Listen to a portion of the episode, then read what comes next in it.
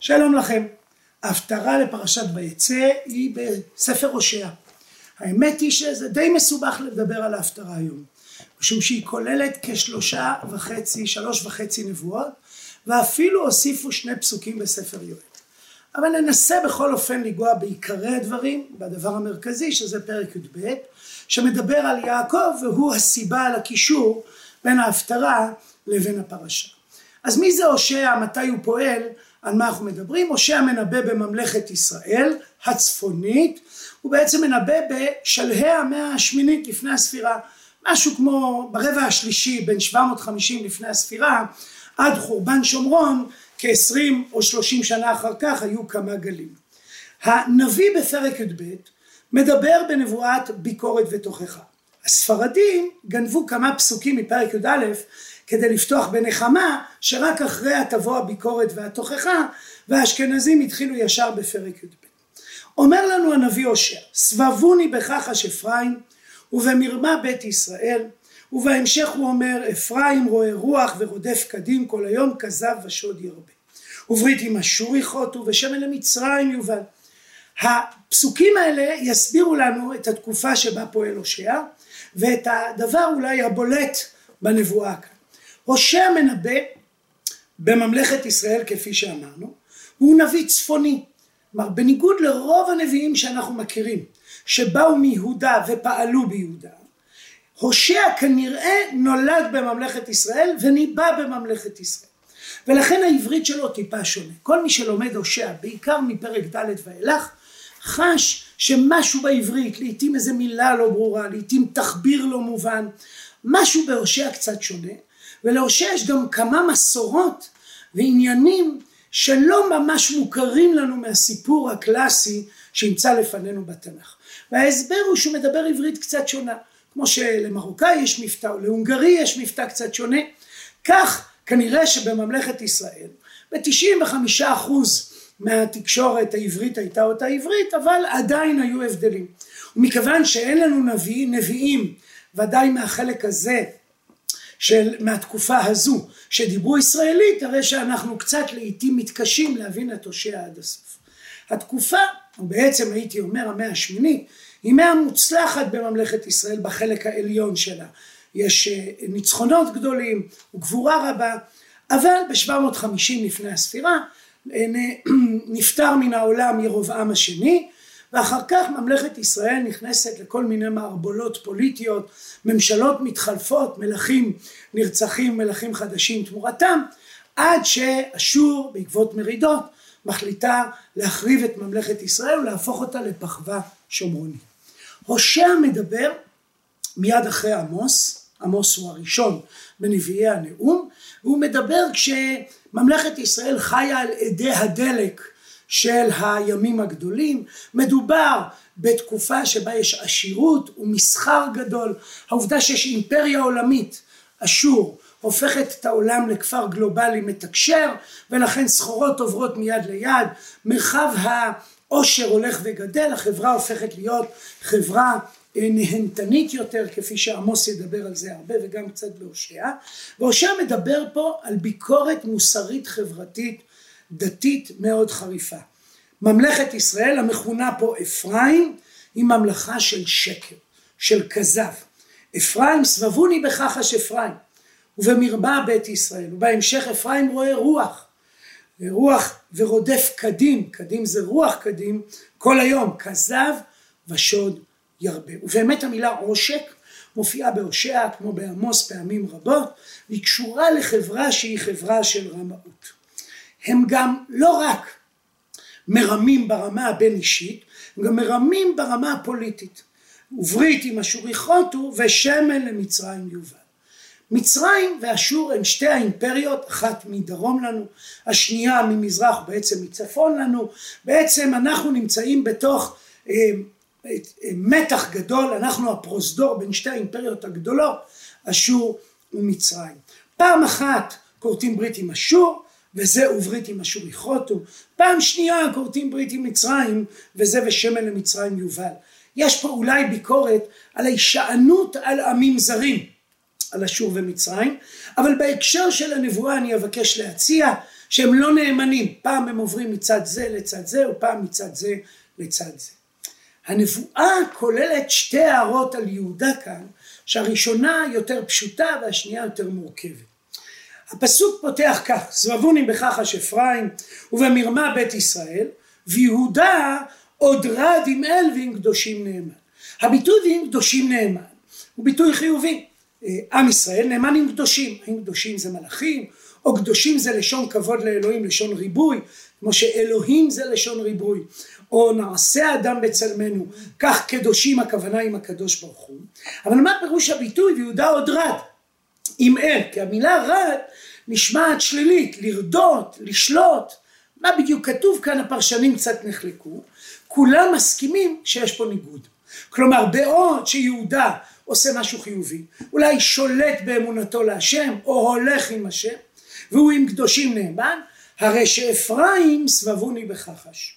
ומיד בחתימה של הפתיחה בפסוק ג' שוב מבנה מסגרת לפתיחה חוזרים לישראל וליהודה ואומרים וריב לאדוני עם יהודה ולפקוד על יעקב כי דרכיו עליו ישיב. החתימה מאוד מובנת הקדוש ברוך הוא יפקוד על יעקב כלומר על ממלכת ישראל לפי דרכיהם ומעלליהם הוא ישיב להם.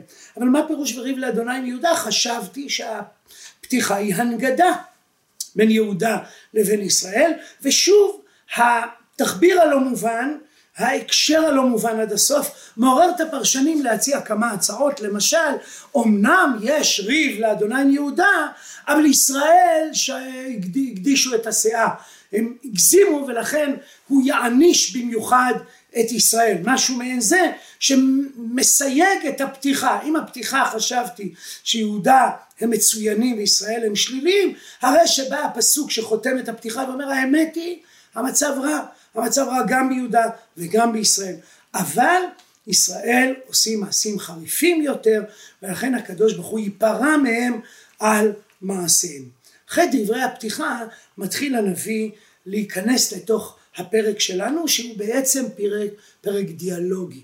אתם תראו עוד רגע שכדי להבין את הפרק הזה היטב צריך לנסח אותו כדיאלוג ואני כבר אומר דיאלוג עקר. משהו בשיחה לא עובד, הושע לא מצליח לדבר אל העם, העם משיב לו תשובות מבחינת העם ניצחות לדברי הנביא וממילא שום דבר לא קורה במהלך השיחה. הרעיון הזה שיש פה דיאלוג הוא מאוד ברור מן ההמשך והשאלה עד כמה אתה מכיל אותו על כמה פסוקים איפה אתה עוצר ואיפה אתה ממשיך וזה דבר שנתון כמובן לפי פירושים שונים אציע לכם את הפירוש שאני נוטה לומר אם כי אני חייב לומר שאפילו אתמול בערב כשעוד הכנתי את ההקלטה הזו עוד אה, דנתי עם עצמי בכמה פסוקים האם הם חלק מדברי הנביא או חלק מדברי העם והדבר מלמד שהדברים לא ברורים עד תום. הדבר השני שצריך לשים לב כשמנתחים את הנבואה הזו שיעקב מככב בה. יעקב מוזכר כמה וכמה פעמים מוזכר מיד בחלק הפותח בבטן עקב את אחיו ובעונו שרה את אלוהים ויעשר אל מלאך ויוכל בכה ויתחנן לו בית אל, אה, בית אל ימצאנו ושם ידבר וכולי הוא מופיע גם בהמשך כשהנביא אומר אה, מתאר ויברח יעקב שדה ארם ויעבוד ישראל באישה ובאישה שמם. מה פשר העיסוק ביעקב הכל כך אינטנסיבי בתוך הנבואה שלנו? לשם כך צריך רגע לפרוס תמונה יותר רחבה. אנחנו רגילים לחשוב על שלושת האבות כיחידה אחת הדבר הזה עולה מספר בראשית. ועולה מפסוקים רבים בתנ"ך ובתורה עצמה שאנחנו אומרים אלוהי אברהם אלוהי יצחק ואלוהי יעקב כבר מימי משה רבנו הדבר הזה מופיע ולאורך התנ"ך כולו. אבל האמת היא שאם רגע מפענחים ומפרקים רגע את השלישייה הזו אפשר לזהות כמה דברים מעניינים. א' שיצחק לא מופיע בכל פעם.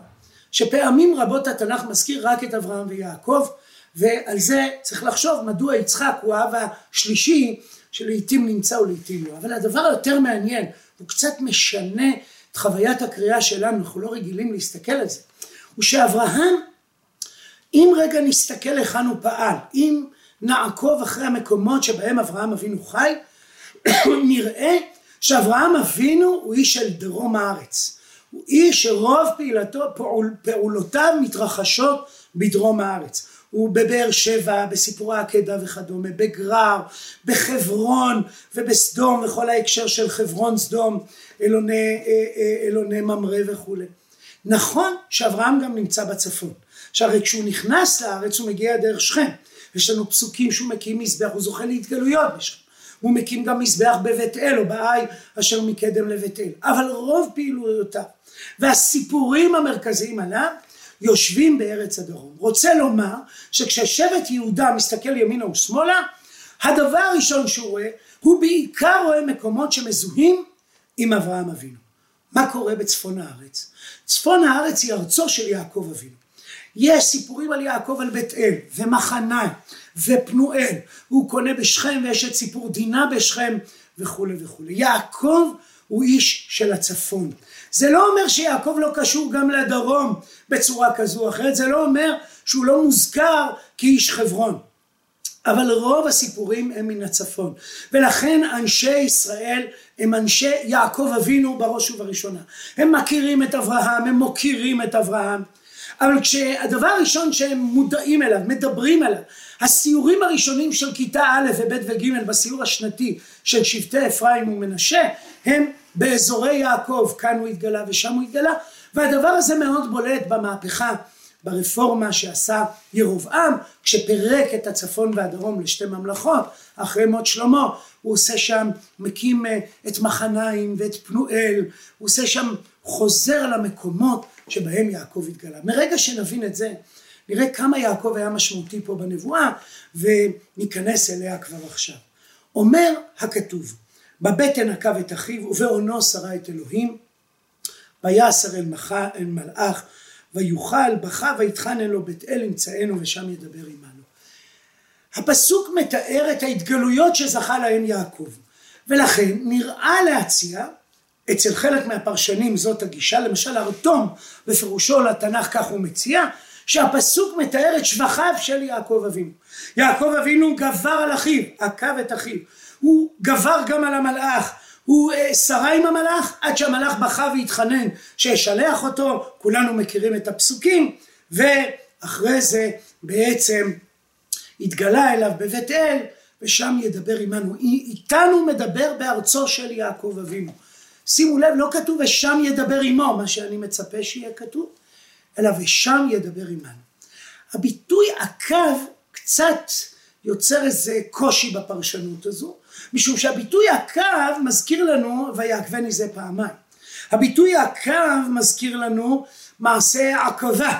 בעצם בדרך כלל בספרות הנביאים יופיע בהקשר שלילי. למשל בירמיהו פרק ט' כשירמיהו מתאר את ממלכת יהודה כממלכת כזב ושקר מאה שנים או שמונים שנה אחר כך אולי מאה שנים הוא אומר איש מרעהו ישמרו ועל כל אח אל תפתחו כי כל אח עקוב יעקב וכל רע אכיל יהלוך. אח עקוב יעקב זה נראה שירמיהו רומז פה לסיפורי יעקב ולאח העוקב את אחיו. ממילא הביטוי עקב אצל חלק מן הפרשנים נשמע שלילי נשמע לא חיובי אז איך אני מסדר את הפסוק עכשיו? אני פתאום צריך לקרוא אותו קריאה מעט שלילית יעקב אבינו עבד על אח שלו עקב את אחיו והוא גבר גם על מלאך והפסוק הזה פתאום הופך להיות שיקוף של אפרים.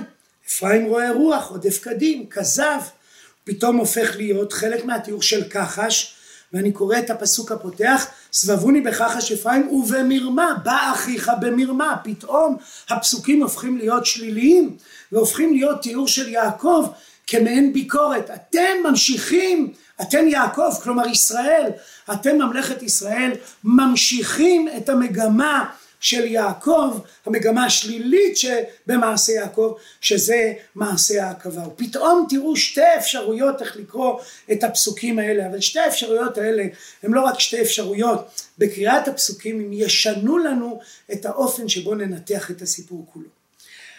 אני אבקש להציע היום במסגרת הזו את ההצעה שאכן אלה דברי שבח למרות שאני כל הזמן מתערער מהפסוק עקב ומהלשון מרמה ואני אבקש להציע לכם שהפסוקים האלה הם בעצם מתארים את יעקב בגדולתו והם דברי העם. בואו נקרא עכשיו כך את הנבואה, נתחיל אותה מחדש. הנביא מתחיל בביקורת, סבבוני בכחש אפרים ומרמה בית ישראל וכולי. מה משיב העם? העם משיב, אנחנו נפלאים. אנחנו ארצו של יעקב אבינו, אנחנו זוכים להתגלויות כאן. בבטן ופתאום מתחילים לספר את סיפורי יעקב. בבטן עקב את אחיו בעונו שרה את אלוהים ויסר אל מלאך בכה ויתחנן לו.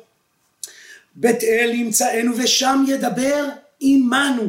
אנחנו ארצו של אלוהים. אנחנו זוכים להתגלויות. הקדוש ברוך הוא משוחח עמנו פה בבית אל.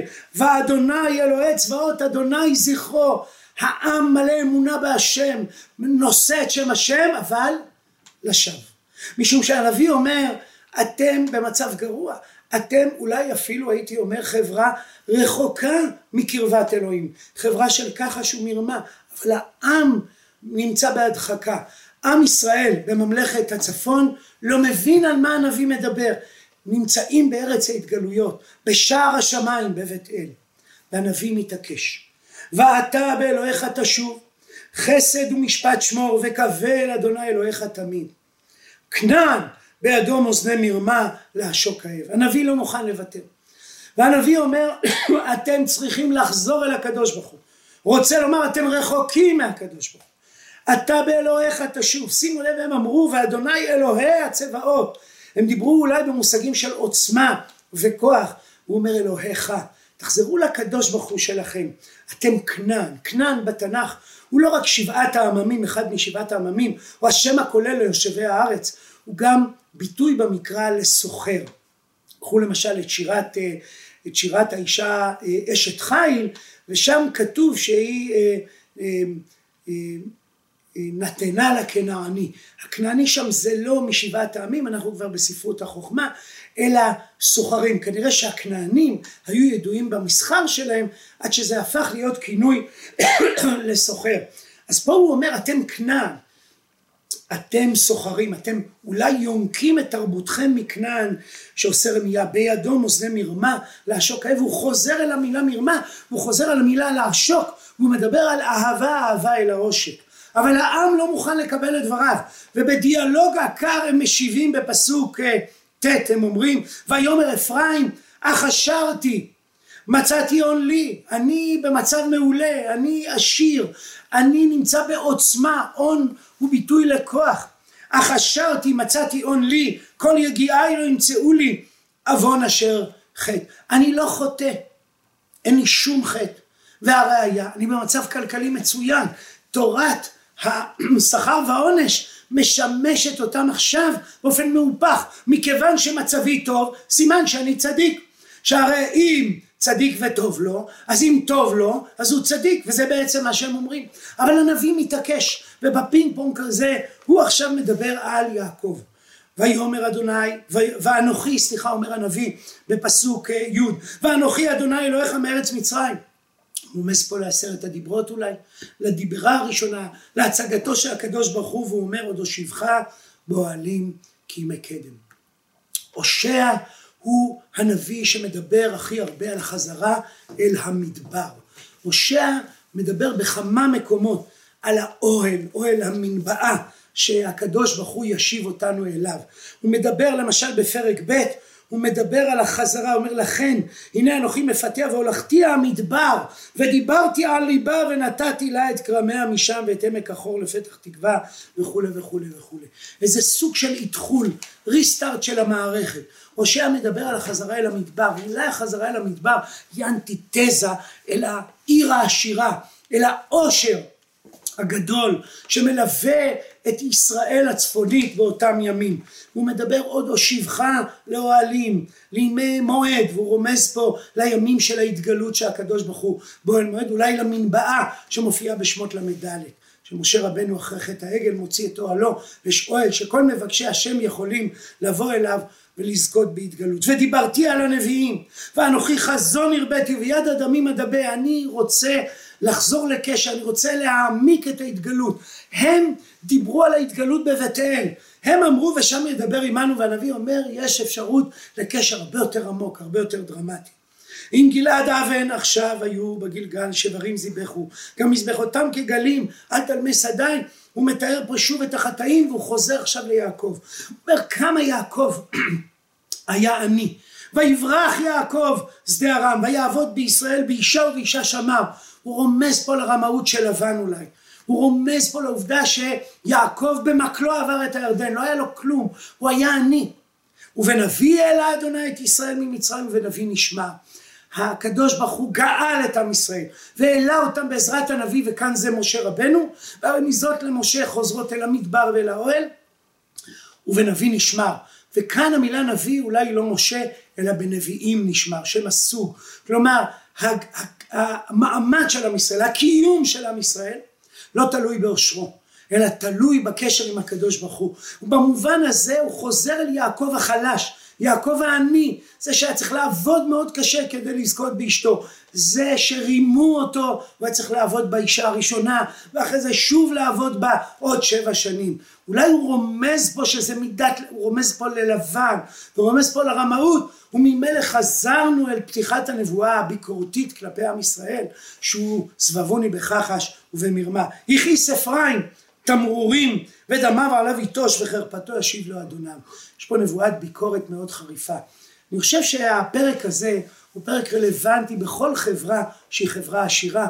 אני חושב שאנחנו נמצאים בעולם כל כך מפותח ועשיר ומודרני שהנבואה הזו יש לה משמעות עמוקה. האם הדרך אל העושר עוברת דרך רמייה, דרך כחש? האם שכחנו דברים בדרך אל מצבנו הנפלא מבחינה כלכלית? קשה לסיים הפטרה בפסוקים כל כך חריפים, ולכן בעלי ההפטרות המשיכו. הם גלשו לפרק י"ג שהוא עדיין נבואת ביקורת, וסיימו בפרק י"ד שהוא פרק של קריאה לנחמה, שוב הקריאה לתשובה של הנביא אל אה, עם ישראל הוא בעצם אמירה שהסיפור לא נגמר. למרות הביקורת הקשה שוב הישראל לאדוני אלוהיך כי חשלת בעווניך קחו עמכם דברים ושובו אל אדוני. ויש שם דיבור מאוד יפה בדיאלוג הזה שהושע אוהב תמיד לצטט. יש פה ציטוט מה העם יאמר?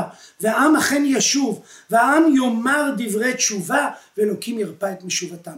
אבל זה לא הספיק והיה עוד מנהג אחד להוסיף עוד שני פסוקים מספר יואל שהם בעצם פסוקי נחמה שבאו לסיים את הדברים אפילו בטוב עוד יותר. פסוקים שבאו לומר שהסיפור לא רק ייגמר בתשובה, אלא ייגמר ברגעים מאוד יפים, כך בפרק ב' ואכלתם אכול ושבוע והיללתם את שם אדוני אלוהיכם אשר עשה עמכם להפליא ולא יבושי עמי לעולם. בעלי ההפטרה רצו לסיים בטוב, אבל הושע אמר כל נבואה לעצמה, ולעיתים צריך רגע לעצור, להקשיב לכל הביקורת, ורק אחר כך לגלוש אל נבואות התשובה והנחמה.